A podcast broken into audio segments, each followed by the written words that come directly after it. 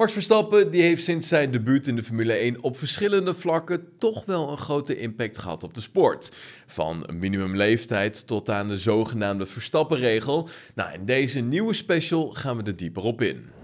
Verstappen die verscheen op 16-jarige leeftijd voor het allereerst in de Formule 1.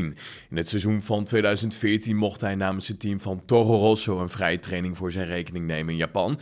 Het seizoen hierop, net 17 jaar, maakte hij zijn officiële debuut als Formule 1-coureur. Ja, niet lang hierna maakte hij de overstap naar Red Bull Racing, waar hij in Barcelona de jongste Grand Prix-winnaar uit de geschiedenis van de sport werd. Ja, een record dat niet zo snel meer verbroken zal worden, want de aankondiging dat in 2014 een 16-jarig jochie een vrije training in de Formule 1 zou gaan verrijden, ja, dat maakte toch wel behoorlijk wat tongen los. Sommigen spraken er zelfs schande van, wat op zich best wel begrijpelijk is. Begrijp me niet verkeerd, de Formule 1 is en blijft natuurlijk een gevaarlijke sport. Kijk maar naar de crash van Grosjean in Bahrein in 2020 of de megaklapper van Verstappen zelf dit jaar op Silverstone.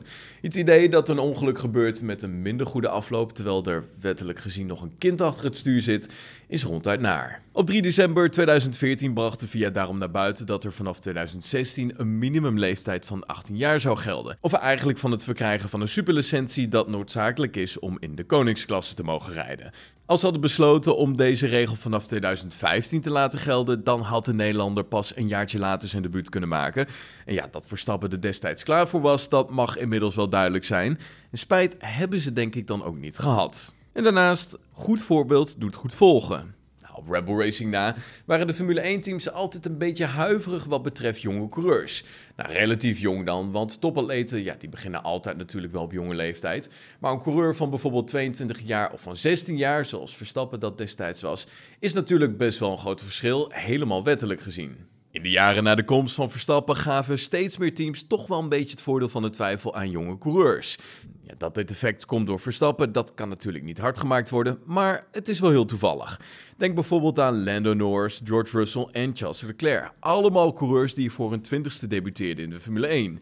En ook Pierre Gasly en Alexander Albon die maakten op jonge leeftijd hun opwachting, maar goed, die deden dit dan via het opleidingsprogramma van Red Bull Racing. Ook de line-ups van een aantal teams zijn hierdoor behoorlijk verjongd. Uh, Ferrari bijvoorbeeld, die heeft nu Sainz en Leclerc in de cockpit zitten.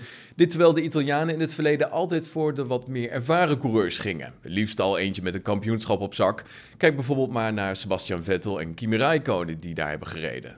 Max heeft daarnaast wereldwijd een gigantische fanbase, maar met name in Nederland heeft hij de Formule 1 toch wel nieuw leven ingeblazen. De Formule 1 wordt hier sinds 2016 elk jaar weer populairder. Natuurlijk door Verstappen en zijn prestaties. En dat heeft er onder andere in geresulteerd in de terugkeer van de Dutch Grand Prix en dat er meer aandacht is voor jong Nederlands talent. Ook voor Red Bull Racing en de Formule 1 zelf is natuurlijk populariteit van Verstappen een grote pre.